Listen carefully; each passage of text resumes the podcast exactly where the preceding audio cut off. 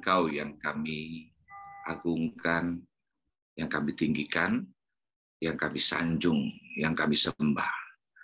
Engkau layak menerima segalanya. Karena kami sadar betul banyak anugerah yang kami terima. Banyak kebaikan, banyak kasih karunia yang Tuhan beri bagi setiap kami. Sehingga saat ini ya Tuhan, kami semua berkumpul dalam Zoom meeting di tempat kami masing-masing. Kami menyatakan syukur, kekaguman kami kepadamu ya Tuhan. Dan pagi ini ya Bapak, setelah kami semua bersama-sama bersyukur, menyembah Tuhan, saatnya lah kami semua mendengar apa yang Tuhan mau sampaikan kepada kami. Tuhan mengenal setiap pribadi kami karena itu ya Bapak, biarlah Engkau berbicara kepada masing-masing kami untuk kami boleh menerima pesan Tuhan secara pribadi yang memperbaiki kesalahan, yang menyempurnakan kami, yang mengingatkan kami akan janji-janjimu. Dan kami siap ya Tuhan untuk menerima firman dengan kuasa dan kasih-Mu ya Bapa. Bicara kepada kami ya Tuhan dan kami siap untuk menerimanya. Di dalam nama Tuhan Yesus kami berdoa. Haleluya. Amin. Puji Tuhan. Shalom Bapak Ibu. Puji Tuhan. Bapak Ibu, saya mengajak kita buka Lukas 13 ayat 6 sampai ayat yang 9. Lukas pasal yang ke-13 sampai ayat yang ke-9. Bapak Ibu, perumpamaan tentang pohon ara yang tidak berbuah.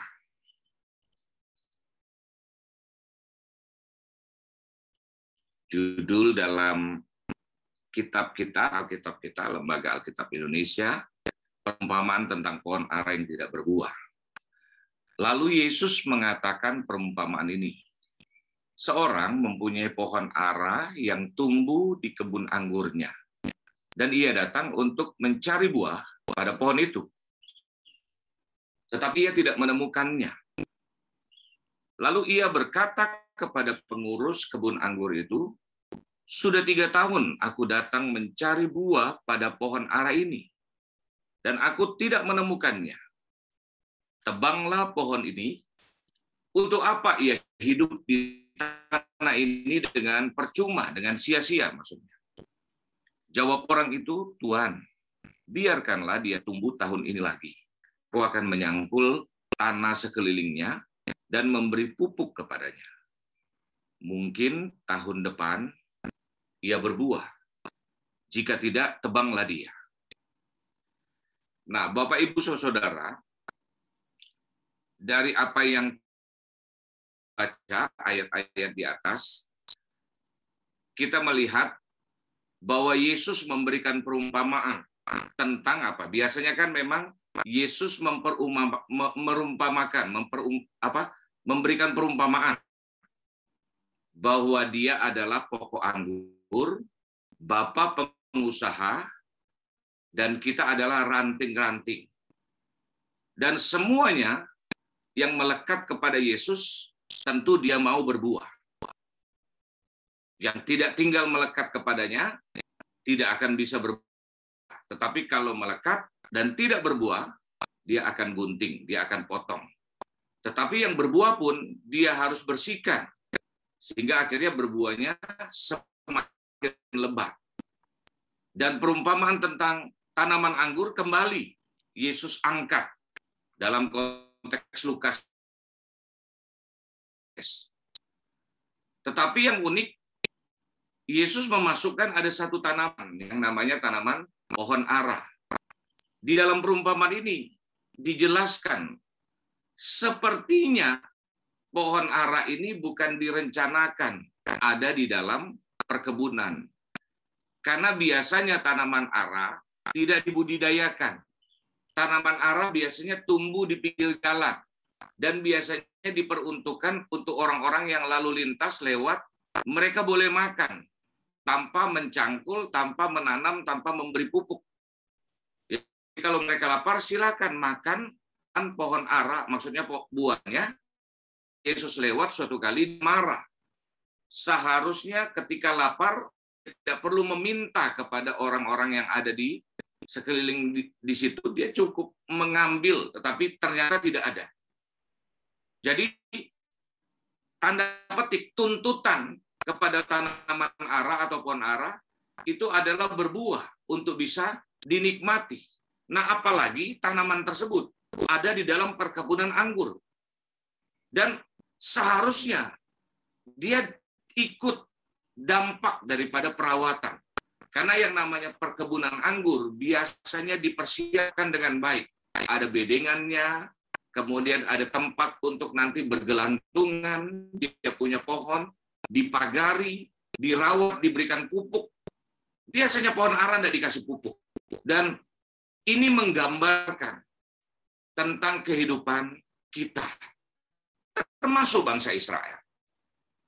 Karena bangsa Israel, walaupun dipilih oleh Tuhan, tapi kalau bicara tentang kemampuan pada masa itu, bangsa Israel kan adalah bangsa yang nomaden. Bangsa yang sebenarnya tidak punya tempat untuk menetap.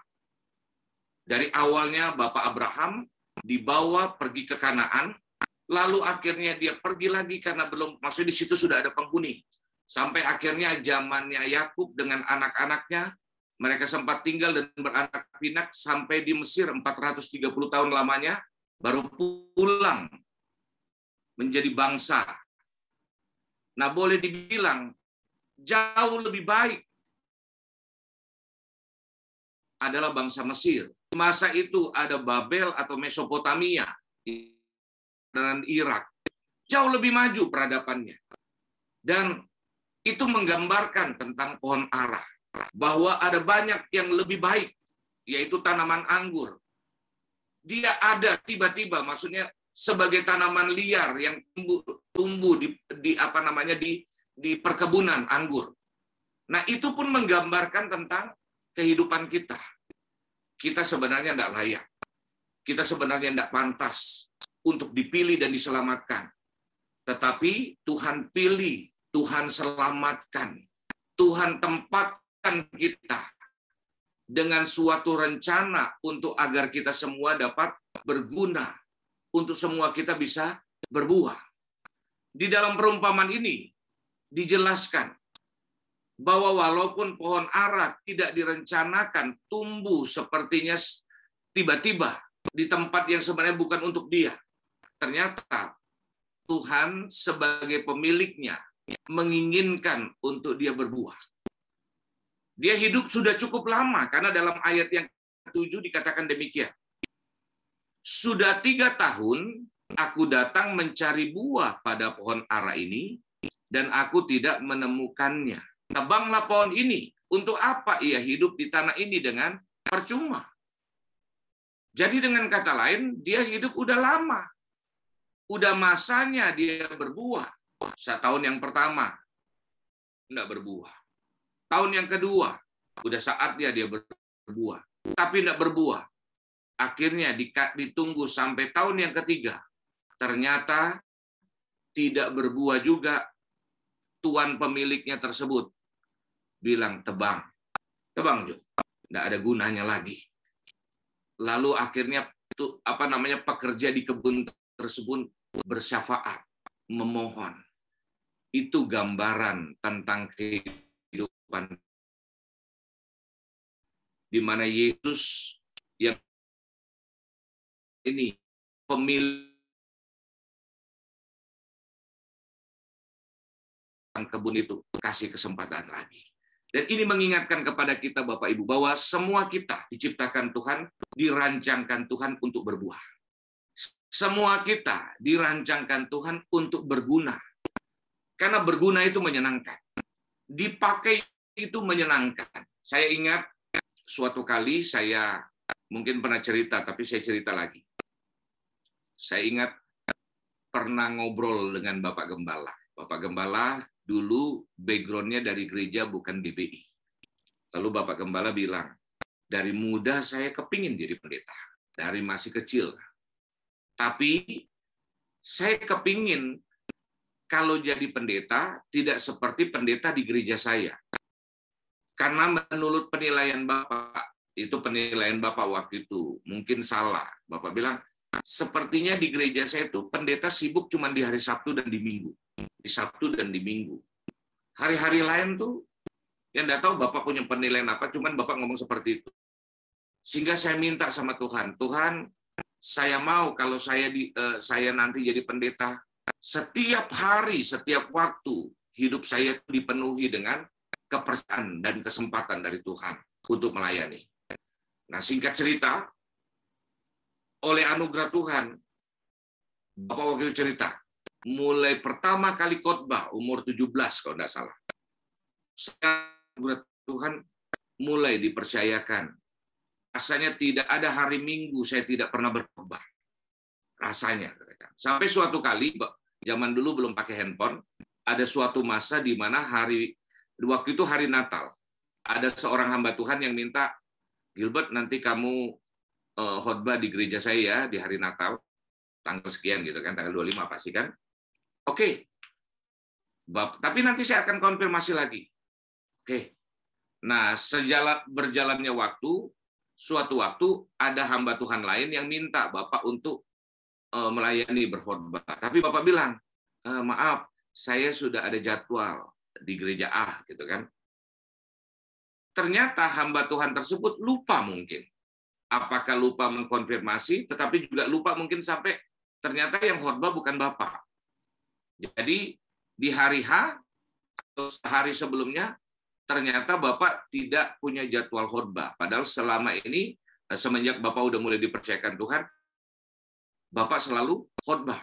Nah pada masa itu Bapak merasa gini, aduh kok ada sesuatu yang hilang. Saya yang biasanya khotbah di hari Minggu biasa, bahkan di hari Natal kali ini, saya tidak dapat kesempatan khotbah. Akhirnya Bapak bilang begini, Tuhan, ternyata begitu menyakitkan. Tuhan tidak kasih saya kesempatan. Tuhan tidak percayakan saya untuk melayani di hari Minggu ini. Eh, maksud di hari Natal ini. Dan akhirnya Bapak minta, kalau memang Tuhan mau pakai saya, Tuhan pakai semaksimal mungkin. Artinya apa? Sesibuk apa? Saya siap. Makanya Bapak sering kali kasih statement, lebih baik saya lelah karena banyak dipercayakan daripada saya lelah karena banyak menganggur. Nah, hidup ini pasti jauh lebih bermakna kalau hidup kita berguna hidup kita berbuah, bisa dinikmati oleh sesama, dinikmati oleh Tuhan, menjadi alatnya. Karena memang pada dasarnya seperti ayat ini, jelas Tuhan mau kita berguna, kita berbuah. Dan Alkitab katakan, kita berbuah lebat dan berbuah tetap. Sampai masa tuanya kita. Dalam banyak perumpamaan, Yesus umpamakan kita seperti pohon anggur, seperti pohon zaitun, tadi seperti pohon ara.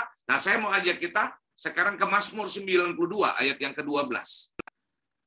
Salah satu ayat perumpamaan tentang pohon. Kenapa sering kali Tuhan memberikan perumpamaan tentang pohon? Karena pada dasarnya pohon atau tanaman itu pasti ada gunanya zaitun berguna semuanya daun sampai kepada batang dan buahnya anggur berguna dan semuanya bergunanya itu panjang zaitun bisa ribuan tahun anggur itu juga ketika diperas kemudian menjadi anggur itu bisa puluhan tahun bisa ratusan tahun mungkin ya kemudian ini berikutnya ayat yang ke-12 ayat ayat 12 di situ ayat 13 ya. Orang benar akan bertunas seperti pohon korma. Akan tumbuh subur seperti pohon aras di Libanon. Jadi pohon, semuanya bicara pohon. Mereka yang ditanam di bait Tuhan akan bertunas di pelataran Allah kita. Pada masa tua pun mereka masih berbuah menjadi gemuk dan segar. Sampai di situ ayatnya. Tujuannya ayat yang ke-15. Untuk memberitakan bahwa Tuhan itu benar, bahwa ia gunung batuku dan tidak ada kecurangan padanya. Diperumpamakan bahwa kita, hidup kita, dikehendaki Tuhan untuk bisa berguna. Tanaman aras, batangnya dijadikan untuk apa namanya? Eh, bait Allah. Karena terkenal dengan kekuatannya. Sehingga waktu dulu pembangunan bait Allah Salomo meminta agar mengambil tanaman pohon aras dari Libanon. Sehingga dari ayat-ayat ini dijelaskan kita ini seperti tanaman. Dan bicara tentang tanaman-tanaman yang diperumpamakan Tuhan itu yang memang berguna yang bicara tentang panjang usianya, bahkan sampai masa tua pun. Alkitab katakan, dia akan menjadi gemuk dan segar. Jadi gemuk ini Alkitabiah, Bapak Ibu. Saya ini gemuk, jadi Alkitabiah ya. Tetapi yang penting segar ya, sehat. Nah, Bapak Ibu, saudara-saudara, dari apa yang kita baca, kita mengerti bahwa dari awal Tuhan menghendaki agar hidup kita itu berguna. Agar hidup kita berbuah. Karena itu setiap orang bisa berbuah asal bertumbuhnya dengan benar. Dengan bertumbuh dengan benar pada masanya seharusnya hidup kita akan berbuah sebagaimana tanaman. Tetapi memang masing-masing orang punya perbedaan latar belakang. Ada orang yang mungkin dibesarkan dari keluarga yang tidak harmonis, dididik dengan kekerasan, sehingga menghasilkan karakter yang keras, orang yang susah diatur, orang yang amburadul kalau boleh dibilang. Sehingga mungkin kita sama-sama bertumbuh misalnya di gereja 15 tahun misalnya. Ada yang mungkin di antara kita sama-sama seperti GBI Glow ini, sama-sama memasuki usia yang ke-14 tahun misalnya. Kita sama-sama bertumbuh, firman Tuhan sama, melayani bersama. Tapi ada yang berbeda. Ada yang mungkin baru tahun kedua, kok orangnya jadi berkat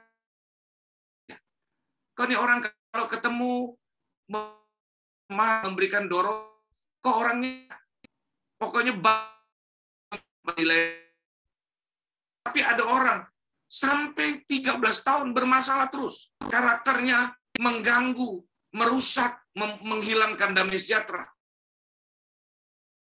Jadi, latar belakang seseorang. Sehingga ketika Tuhan melihat ada orang kok udah saatnya dia berbuah, di umur yang ketiga tahun, tetapi tidak berbuah. Akhirnya diminta lagi, dikasih kesempatan satu tahun lagi. Nah ini mungkin bicara juga tentang kita. Bapak Ibu, kalau dalam kehidupan kita, dalam masa usia kekristenan kita sudah cukup tua, kok sepertinya kok kita tidak buat apa-apa ya? Kok kita kok hadirnya kok bikin masalah ya? Bikin gaduh, ngomongin pelayanan, ngomongin hamba Tuhan, ngomongin sesama, bikin iman orang terganggu jujur ya Bapak Ibu, kalau itu yang terjadi dalam kehidupan kita, sementara ada orang-orang yang masih dua lebih muda daripada kita dalam pelayanan, kok dianya kok kelihatan bertumbuhnya baik, lalu berbuahnya baik. Saya sarankan untuk kita mulai jujur. Jujur sama Tuhan. Tuhan, kalau memang di masa lalu saya ada hal-hal yang buruk yang membangun hidup saya sehingga saya itu mudah tersinggung. Saya ini orangnya kok punya karakter yang bermasalah. Datanglah kepada Tuhan. Mohon untuk Tuhan pulihkan. Mohon untuk Tuhan bisa membantu kita menghancurkan setiap hal-hal yang buruk. Supaya memang pada dasar harusnya kita berbuah dan berguna. Itu muncul dalam kehidupan kita. Karena pada dasarnya Tuhan menghadirkan kita tujuannya agar hidup kita berguna. Tapi kalau yang muncul merusak kalau yang muncul tidak ada buahnya, kalaupun ada buah rasanya pahit, rasanya asam, rasanya kecut, rasanya tidak nyaman untuk dinikmati. Karena ada orang, ada buah. Tapi buahnya nyakitin orang. Kalau dia hadir, kok kata-katanya pedes. Kalau kok dia hadir, kok kata-katanya pahit. Kok kalau kok dia hadir, hidupnya tidak menjadi berkat. Artinya, ada buah sepertinya, ada hasil. Tapi kok tidak menguntungkan bagi orang lain, tidak membangun. Nah, ada hal-hal yang harus kita perhatikan di sini Bapak Ibu bagaimana kita sebagai benih, sebagai tanaman dapat bertumbuh dan berbuah dengan lebat sehingga berguna baik bagi kerajaan sorga sebagai pemiliknya dan bagi sesama manusia sebagai sesama ciptaannya. Hal yang pertama, mari perhatikan Dalam Yohanes 15 ayat 5 saya bacakan, Akulah pokok anggur dan kamulah ranting-rantingnya. Barang siapa tinggal di dalam aku dan aku di dalam dia, ia berbuah banyak. Sebab di luar aku kamu tidak dapat berbuat apa-apa. Jadi yang pertama, bagaimana kita bisa berbuah? Perhatikan hubungan kita dengan Tuhan. Kita harus memiliki hubungan yang benar dengan Tuhan. Kenapa? Karena Tuhan bilang, kalau engkau tidak tinggal di dalam engkau, engkau tidak bisa berbuat apa-apa. Jadi yang pasti, bangun hubungan dengan Tuhan. Dalam setiap waktu ketika Bapak Ibu dapat kesempatan, lalu Bapak Ibu bisa mengambil komitmen, bekerja keras, maksudnya untuk misalnya, tadi minta maaf, saya tadi ditelepon Bu Faber, tadi saya lalai. Udah bangun, tapi saya masih membaringkan sedikit ketiduran masih. Jadi tadi saya kebangun, eh udah setengah enam lewat lima. Udah mulai saya telepon Bu Febe, Bu Febe, saya terlambat bangun. Masih bisa Pak, gitu kan. Oke, saya harus mandi dulu, gitu kan. Saya harus mandi, saya harus buru-buru. Oke Pak, gitu kan. Puji Tuhan, masih sempat. Jadi saya cuma ikut nyanyi, kau Allah yang besar. Tapi ada di antara kita. Sama kan? Artinya gini, Bapak Ibu yang berkomitmen untuk setiap pagi hadir di dalam doa gerbang pagi. Kan Bapak Ibu ada masa-masanya seperti tadi saya itu masih ngantuk. Lalu akhirnya waktu itu alarm berbunyi, saya masih izinkan tidur, masih cukup panjang, ternyata keterusan. Bapak Ibu kan juga sama. Waktu bangun ada masanya Bapak Ibu masih ngantuk. Tapi kita mengambil keputusan bayar harga untuk bangun dan ada yang udah menjadi habit selalu bangun jam sekian sehingga tidak ada masalah. Tapi tetap ada masanya kita lelah, tetapi kita mengambil keputusan, saya mau membangun hubungan dengan Tuhan lebih dari segalanya. Kalau hal yang pertama kita lakukan membangun hubungan dengan benar dengan Tuhan, seharusnya serusak apa pun, sejelek apa pun latar belakang kita, kalau kita melekat dengan Tuhan, saya yakin betul sikap-sikap atau sifat-sifat dari Tuhan harusnya muncul dong kalau kita melekat dengan Tuhan, hidup kita melekat dengan Tuhan, melekat. Artinya ada yang di dalam batang utama itu juga yang akan keluar di ranting-rantingnya. Hiduplah yang pertama, melekat dengan Tuhan, bangun hubungan dengan Tuhan dengan benar. Saudara, kalau melekat dan benar dengan Tuhan, saya percaya sumber kehidupan tersebut akan mengalir dalam kehidupan kita. Yang kedua, bagaimana agar kita bisa berbuah dengan lebat. Yang kedua, bangun hubungan dengan benar. Bangun hubungan yang benar dengan gereja. Kemarin Bapak Gembala khotbah mengingatkan bahwa setiap kita boleh aktif di yayasan, di ministry, di persekutuan apa pun. Tetapi harus tertanam kuat di gereja lokal. Karena biasanya orang tidak mau diatur, suka pindah-pindah gereja. Iya, kecuali karena alasan tertentu, saudara tidak bertumbuh, saudara melihat ada hal-hal yang terlalu aneh, saudara sudah berusaha bertahan, kok gereja tersebut tidak membuat saudara damai sejahtera, oke. Setelah saudara renungkan baik-baik, saudara gumuli, akhirnya saudara mengambil keputusan, keluar tidak masalah. Tapi ada orang tuh memang bermasalah di karakter. Ada banyak diberi kesempatan, misalnya di gereja GBI Iglo contohnya, di tempat kita bernaung. Ada banyak kesempatan. Tapi sering kali cari kelemahan, cari kelemahan, cari kelemahan. Kalau mau ditanya kelemahan, pasti ada lah. Kita cari tahu Bapak Ibu dekat dengan Bapak Gembala, misalnya sebagai Gembala. Coba tinggal bersama-sama. Cari, ya pasti ada kelemahan. Masa sih manusia tidak ada kelemahan? Cari kelemahan-kelemahan hamba-hamba Tuhan sesama pelayan Tuhan. Pasti ada, karena memang kita manusia. Tetapi Tuhan yang menghendaki dan Tuhan memerintahkan karena dia sendiri komitmen, berkomitmen dengan gereja. Dia sendiri yang memberikan ilustrasi tentang kesatuan tubuh menjadi gereja. Sehingga setiap kita memang harus berkomitmen dengan gereja. Karena di gereja kita dilatih tanggung jawab, di gereja kita punya kesempatan untuk membangun hubungan di gereja, kesempatan kita untuk menabur, untuk eh, melayani sesama.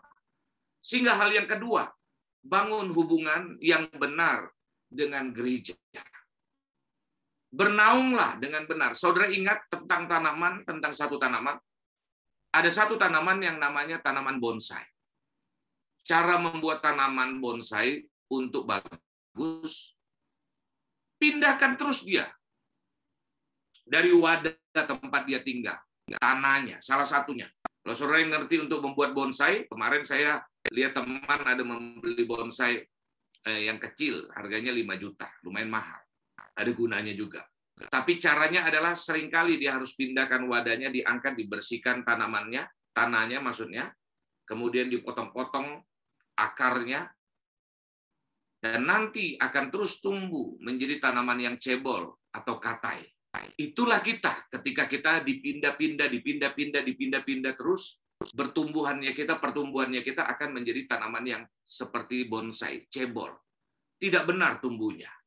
Karena itu bangun kebiasaan karena untuk berkomitmen dalam suatu wadah pelayanan yang namanya gereja. Ada masanya waktu kita mulai kok sepertinya kok enggak cocok. Ya namanya juga tanaman, waktu dipindahkan ke satu media dia butuh waktu dulu, kadang-kadang dia stres dulu. Tapi sampai beberapa waktu ketika tempatnya tepat, tanahnya tepat, dia akan bertumbuh dengan baik dan akhirnya berbuah. Jadi kalau saudara merasa baru mulai, kok rasanya cocok pertama, mungkin benar-benar tidak cocok. Kedua, mungkin dia sedang beradaptasi. Jadi suatu waktu akhirnya dia akan hidup dengan baik dan berbuah. Yang ketiga, bagaimana agar kita bisa bertumbuh dan berbuah dengan lebat.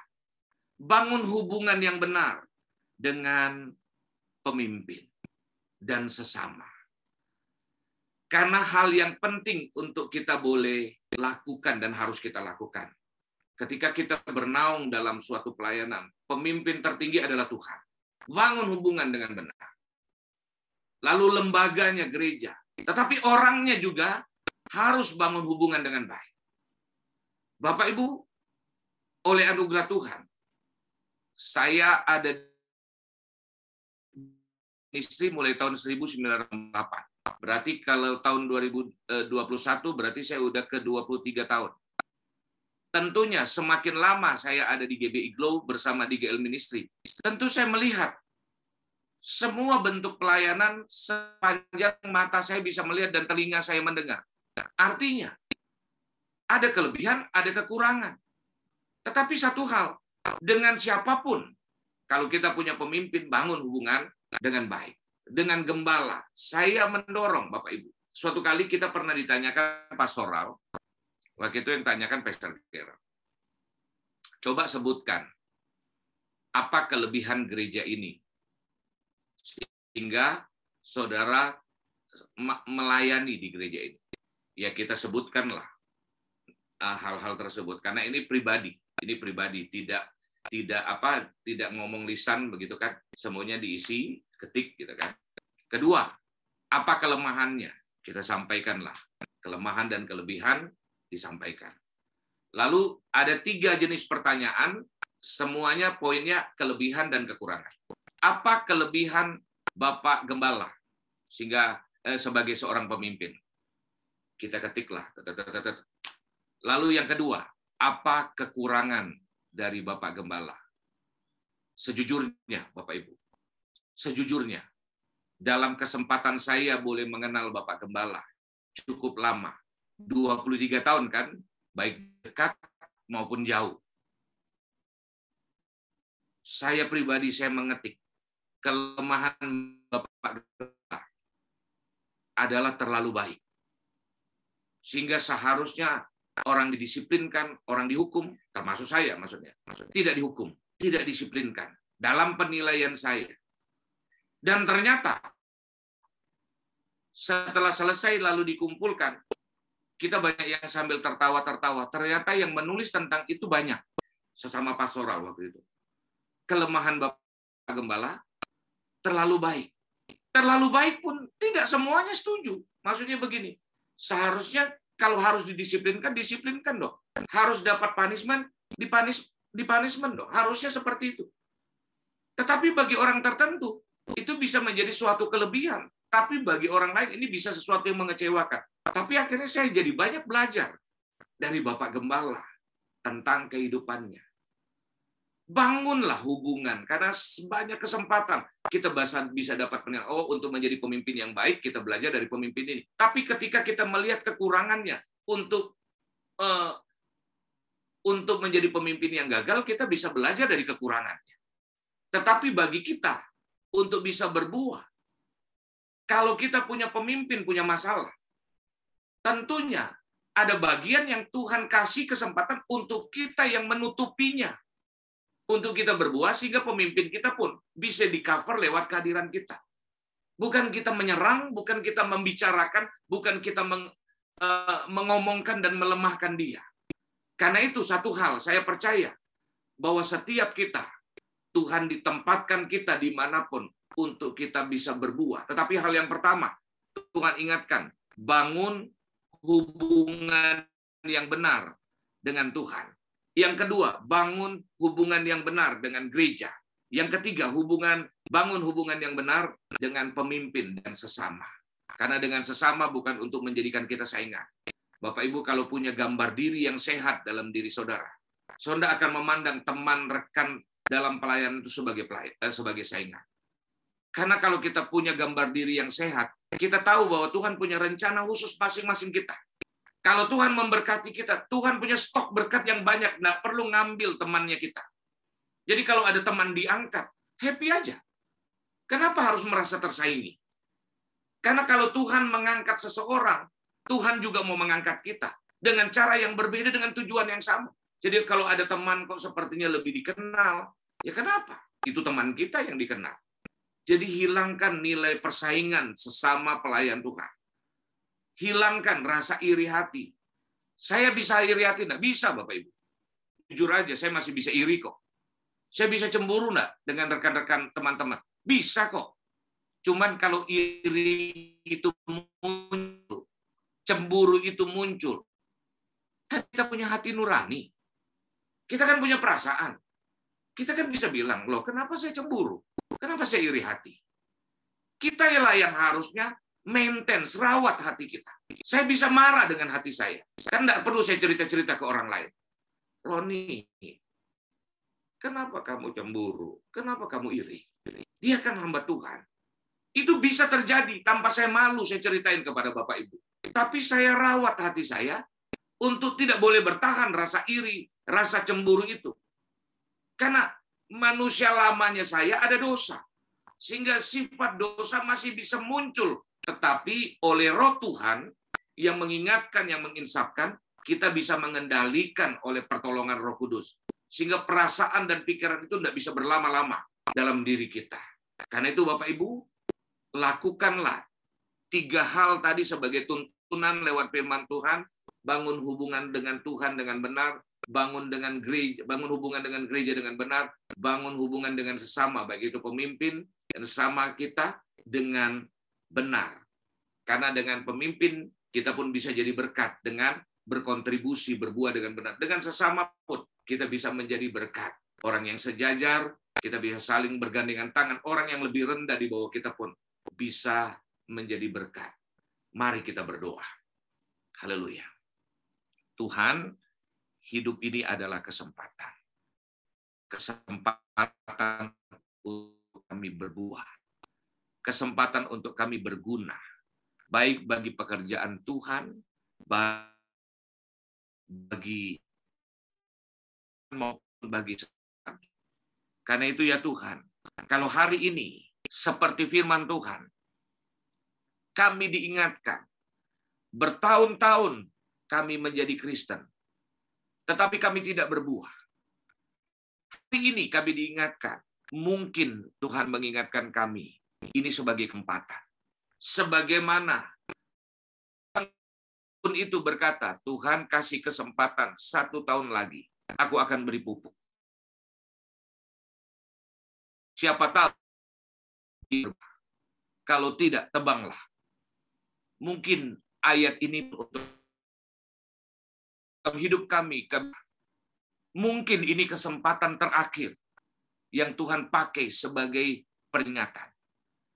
Mungkin firman Tuhan ah, yang kami dengar hari ini sebagai pupuk yang Tuhan pakai untuk kami bisa bangkit dan berbuah. Mungkin ini kesempatan terakhir. Kami tidak tahu waktu Tuhan. Tetapi ketika Tuhan mengingatkan kepada kami, janganlah engkau keraskan hati ketika mendengar suara Tuhan. Ini peringatan bagi kami. Sehingga kami gunakan kesempatan ini sebagai sesuatu yang berharga. Kami tidak tahu apakah ini ke tempat kesempatan yang kelima, keempat, ketiga, kedua, atau yang terakhir. Tetapi di kesempatan hari ini, kami berkata, kami siap ya Tuhan, untuk bangkit, agar Tuhan pakai kami menjadi pribadi yang berguna dan berbuah. Kami mau menggunakan waktu dengan sikap takut dan gentar. Karena kami tahu hari-hari ini jahat.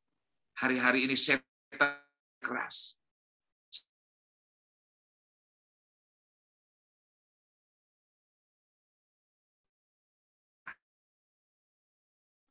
bagi sesama.